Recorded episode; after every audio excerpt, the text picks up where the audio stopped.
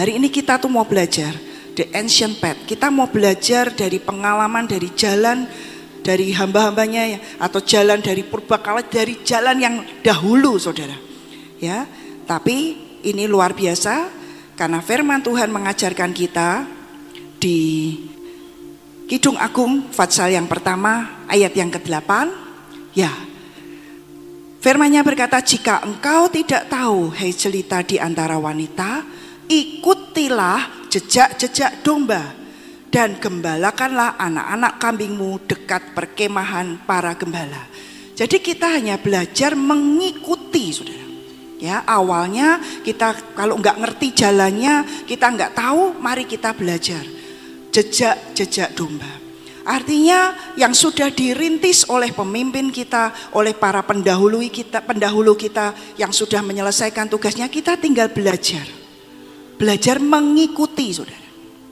Tapi nggak berhenti hanya mengikuti jejak domba. Tuhan ajarkan setelah kita belajar menapaki jejak-jejak domba itu, kita mesti belajar sendiri dengan Tuhan. Sampai nanti ada apa? Jejak baru. Jejak baru bukan dari jejak kita, tapi jejak perjalanan kita dengan Tuhan itu akan membuat kita diperluas, diperlebar. Jadi kita awalnya belajar mengikuti jejak-jejak domba. Di kitab kejadian Fatsal yang di keluaran, maaf, di keluaran Fatsal yang ke-33 ayat yang pertama, ayat yang ke-13. Bangsa Israel itu mengenal perbuatan saudara. Tapi itu tidak perbuatan Tuhan tidak menjamin kita mengenal jalan Tuhan. Perbuatan melihat mujizat tidak membawa dan tidak otomatis membuat kita kenal Tuhan. Dan di sini Musa itu berkata, Keluaran pasal yang ke-33 ayat yang ke-13.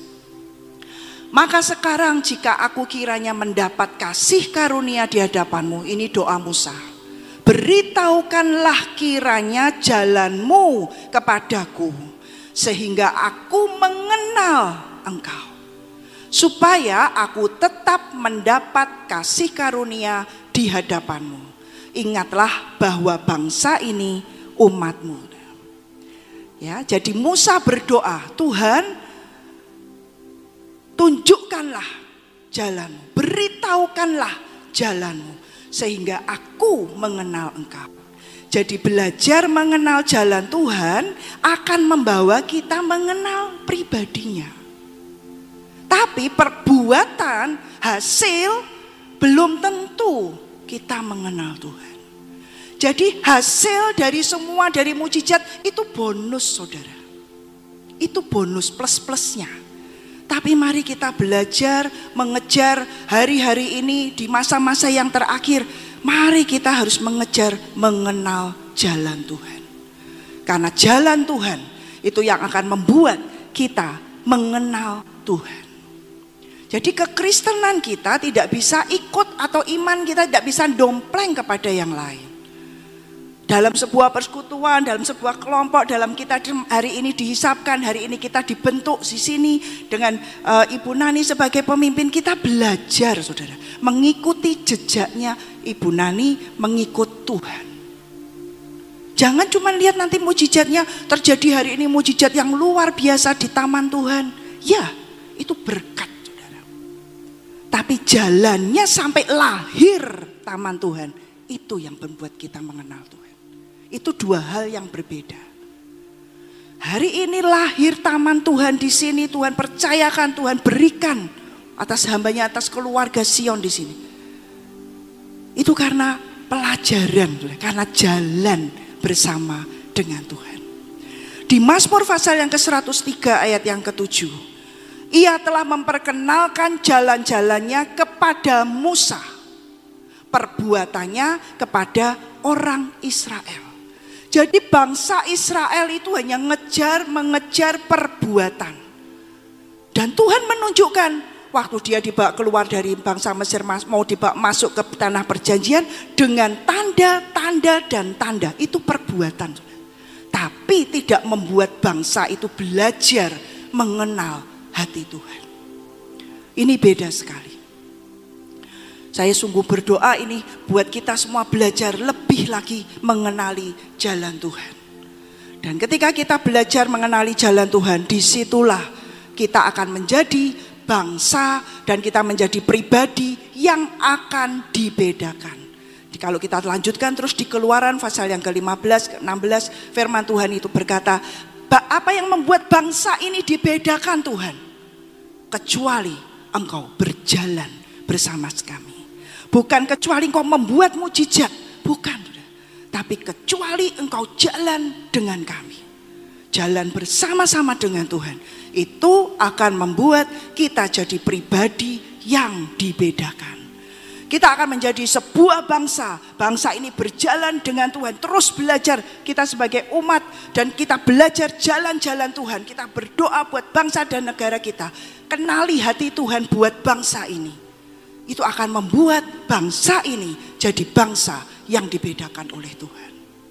Jadi perbuatan, hasil dan mujizat itu hanya bonusnya. Tapi sesungguhnya yang Tuhan mau, yang Tuhan rindukan, kita sungguh-sungguh belajar jalan-jalannya. Ketika kita mau belajar jalan Tuhan dan kita mau dibawa jalan dengan Tuhan, kita akan menjadi pribadi yang dibedakan. Jadi kekristenan kita, pengikutan kita kepada Tuhan bukan ikut-ikutan. Tapi sungguh kita mau jalan dengan Tuhan. Dan itu akan berbeda sekali saudara. Ada quote yang bagus jangan ikut-ikutan. Ya. Ketika kita mengikuti orang lain, mungkin tidak membawa kita akan terlalu jauh. Ya, tapi ketika kita mengikuti pimpinan Tuhan, itu akan membawa kita ke tempat-tempat yang ajaib. Amazing place. Dia akan bawa kita ke tempat-tempat yang tidak kepikir buat kita. Ya, nggak nggak tahu lah nanti endingnya apa. Yang penting kita ngikuti jalan Tuhan. Kita betul-betul memilih ikut Yesus, bukan ikut-ikutan Yesus. Ketika dia nyatakan semuanya yang dia kerjakan, mujizat, kesaksian, kita belajar jalannya saudara. Jalannya. Ya, jadi mari kita belajar untuk kita mengikuti pimpinan Tuhan. Karena jalan Tuhan itu yang akan membuat kita sampai di amazing place. Di tempat yang sangat ajaib yang tidak pernah kita pikirkan. Dan kita sekarang mau belajar dari kitab Kejadian ayat 26 yaitu dari hidup Ishak. Ya, dari hidup Ishak di Kejadian pasal yang ke-26 ayat yang ke-18. Kemudian Ishak menggali kembali sumur-sumur yang digali dalam zaman Abraham ayahnya. Jadi ini bukan sumur baru, tapi ini sumur yang sudah pernah digali oleh Abraham. Kita belajar mengikuti jalan jejak-jejak domba, jejak-jejak para pendahulu kita. Artinya sudah dijalani saudara. Sudah dilewati. Tapi Alkitab berkata ini Ishak menggali kembali. Waktu Tuhan firman pergi ke Palona, gali sumurnya ayahmu. Gali lagi. Dan di sini kita belajar dan saat itu sumur-sumur dari Abraham ayahnya itu telah ditutup oleh orang Filistin sesudah Abraham mati. Disebutkannya lah nama sumur-sumur itu menurut nama-nama yang diberikan oleh ayahnya. Dan waktu saya membaca ini saudara, terus Tuhan itu ngajarkan. Jadi Ishak, sumur-sumur yang sudah digali Abraham, waktu itu ditutup. Yang nutup dikatakan di sini adalah orang Filistin. Coba kita lihat di ayat yang ke-14 bagian B. Di kejadian pasal yang ke-26 ayat yang ke-14 Firman Tuhan berkata di sini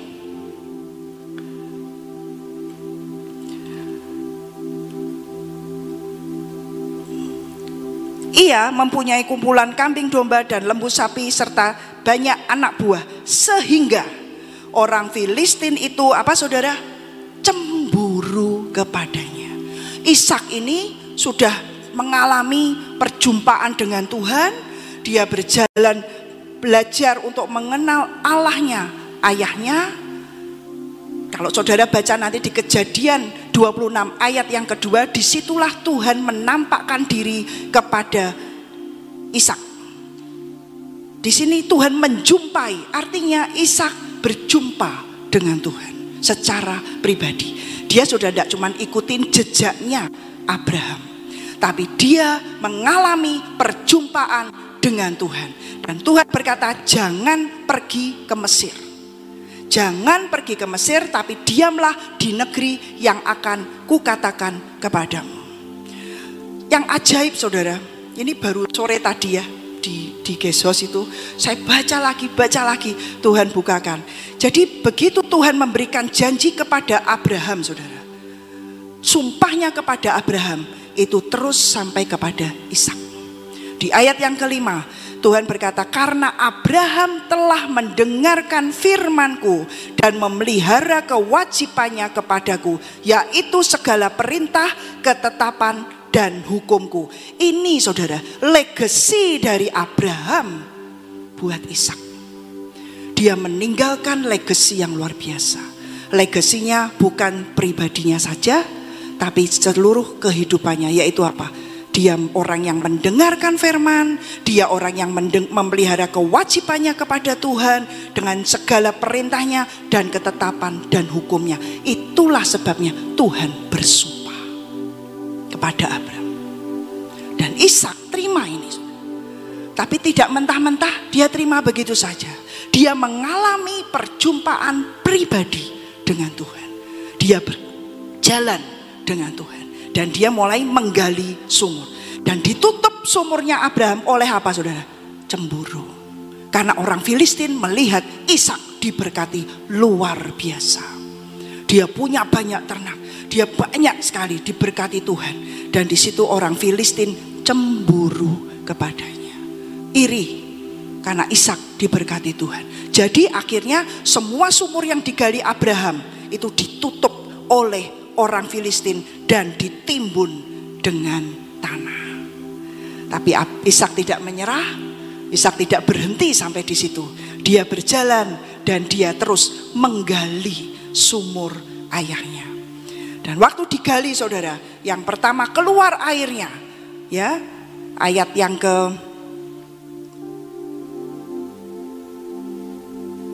19 ketika hamba-hamba Ishak mulai menggali di, lem, di lembah itu terus mendapatkan mata air yang berbual-bual.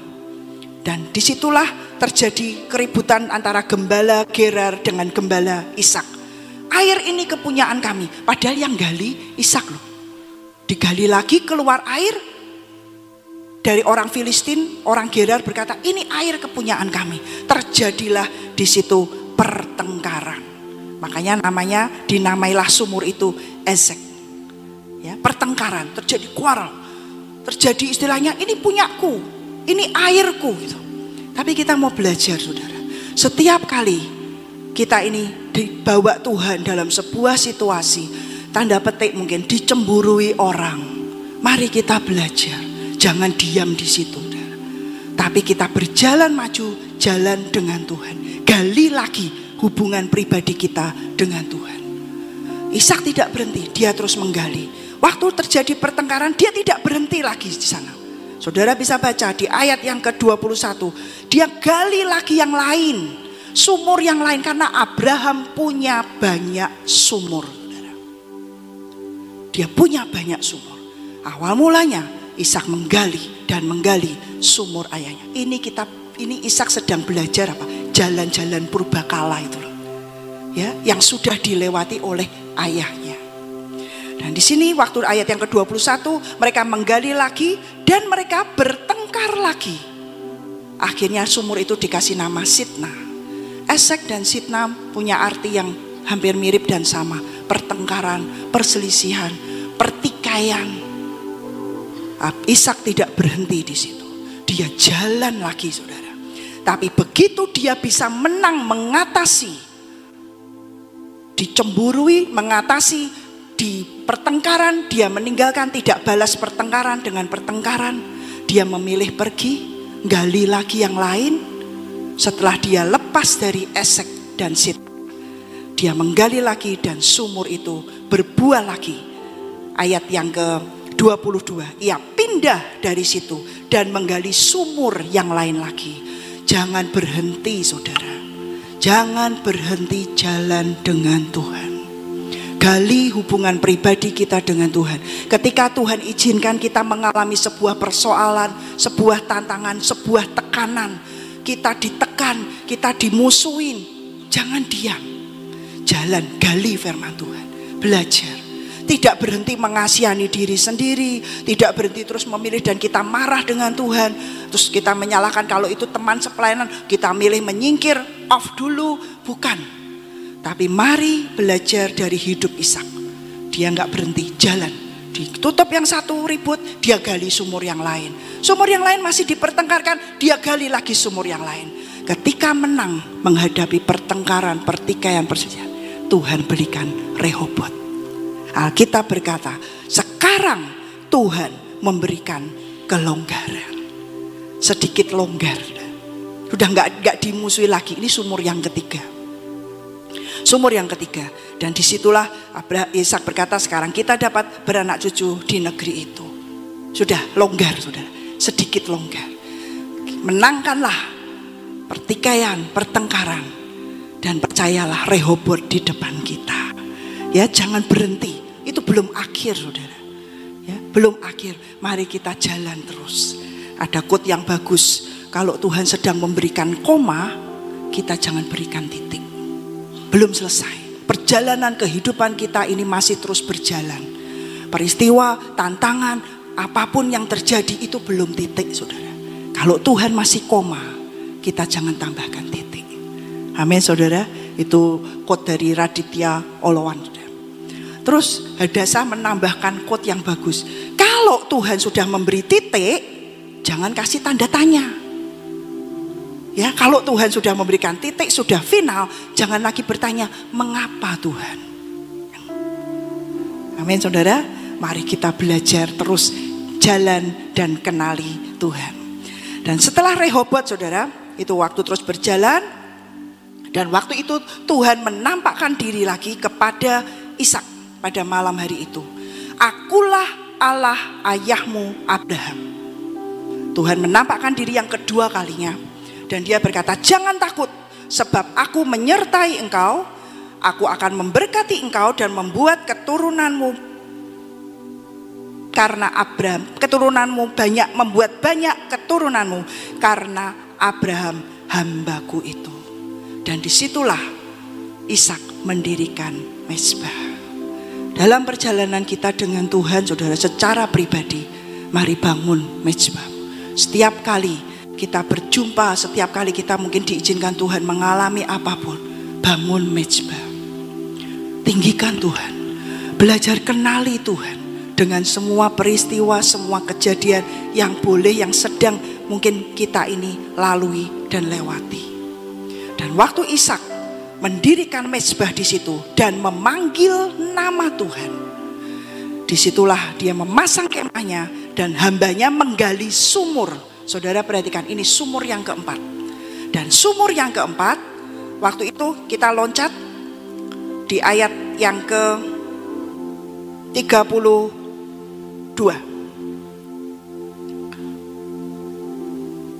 33 Saudara. Ya 32 ya.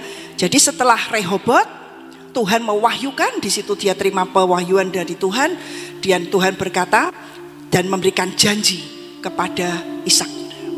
Dan sumpahnya itulah saudara, sumpah dari Abraham, dia juga akan bersumpah kepada Ishak.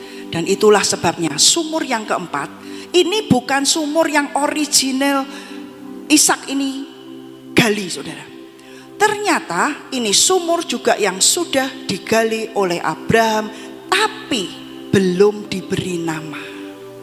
Coba kita lihat dulu di keluar kejadian pasal yang ke-26 ayat yang ke-33, ayat yang ke-32. Pada hari itu datanglah hamba-hamba Ishak memberitahukan kepadanya tentang sumur yang telah digali mereka serta berkata kepadanya, "Kami telah mendapat air." Lalu dinamainyalah sumur itu Sheba. Sebab itu nama kota itu Beersheba sampai sekarang. Coba sekarang kita mundur dulu lihat di kejadian Fatsal yang ke-21. Artinya Seba itu sumpah, ini sumur sumpah saudara. Ya, dan artinya Beersheba kotanya, ini kotanya.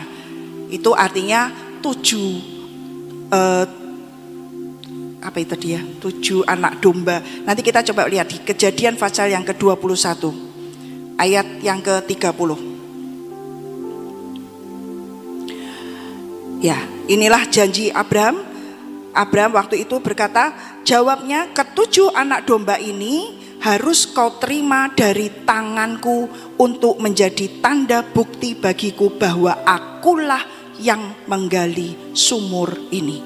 Sebab itu orang menyebutkan tempat itu Bersheba karena kedua orang itu telah bersumpah di sana. Jadi saat Abraham menggali sumur di daerah Bersheba, dia nggak beri nama. Yang beri nama akhirnya siapa? Ishak. Inilah legacy. Legacy. Ketika Abraham meninggalkan semua warisan yang ilahi, berjalan dengan Tuhannya, hidup bersama dengan Tuhan, memelihara semua kewajibannya bersama dengan Tuhan. Itulah legacy dan Tuhan bersumpah kepada Abraham. Dan sumur yang keempat digali oleh Ishak dan akhirnya diberi nama Sheba yang artinya sumur sumpah. Ajaib sekali. Kita belajar dari semua para pendahulu kita, kita menggali sumur perjalanan semua hamba-hamba Tuhan ini dengan Tuhan.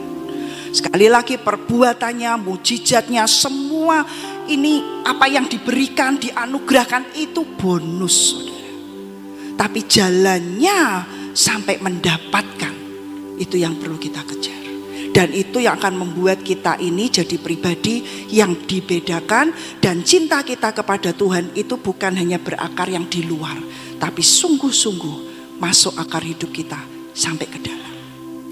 Tapi pelajaran yang berharga Saudara, ketika kita jalan dengan Tuhan, kita sungguh-sungguh akan mengalami dan dia akan membukakan rahasia hatinya. Karena Tuhan itu penuh dengan kemuliaan. Penuh dengan semua misteri yang hari ini mungkin banyak kita belum mengetahuinya. Tapi ketika kita mau, kita mau belajar, kita mau jalan dengan Tuhan, dia akan ajarkan. Dan ini akan membuat kita mempunyai kehidupan yang berbeda. Ayat yang terakhir kita mau lihat di Yeremia Fatsal yang ke-6 ayat yang ke-16. Firman Tuhan berkata, beginilah firman Tuhan. Ambillah tempatmu di jalan-jalan dan lihatlah.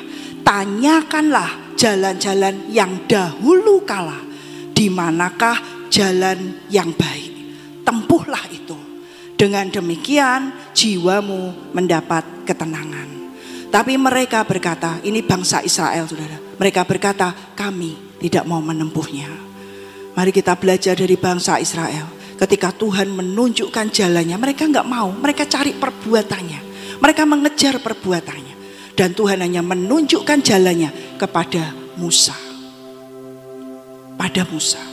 Dan ini peringatan buat kita semua dan pelajaran buat kita semua. Mari tanyakan jalan-jalan yang dahulu kala. Inilah di ancient path. Jalan yang dahulu kala yang sudah dilewati para pendahulu kita, yang sudah pendahulu kita itu belajar cungkil balik mengalami pendidikan dengan Tuhan. Kita ngikuti aja jejak domba.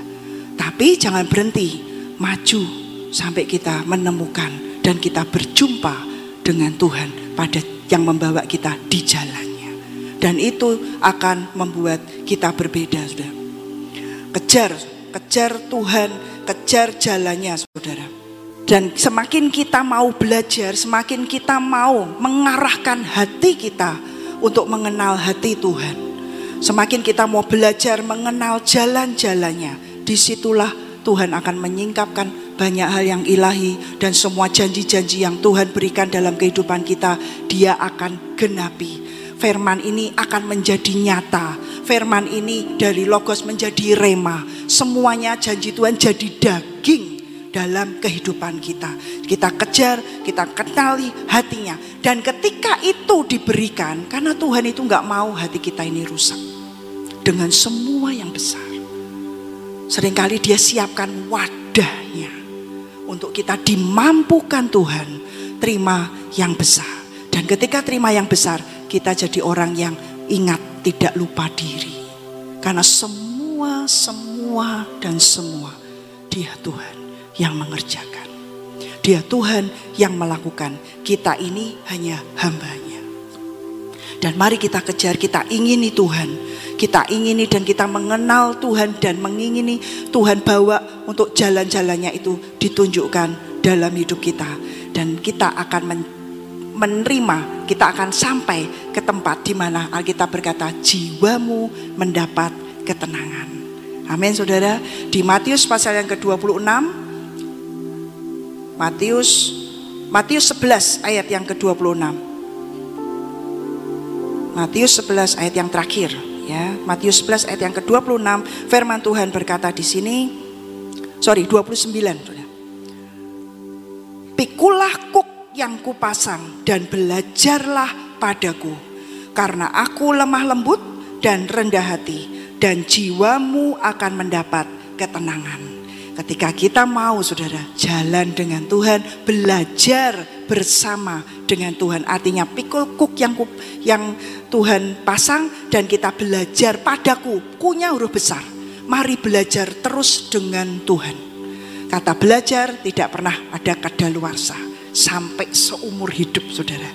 Ya, terus kita belajar dan belajar untuk mengenal Tuhan dan kita akan sampai di amazing place jiwa yang penuh dengan ketenangan. Kita akan mendapat ketenangan dan ini bukan ketenangan yang semu, tapi ketenangan yang sejati, yang dunia tidak bisa beli.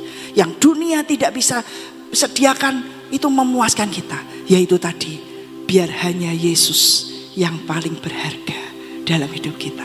Amin saudara, saya berdoa kita terus belajar dan belajar kenali jalan-jalan Tuhan.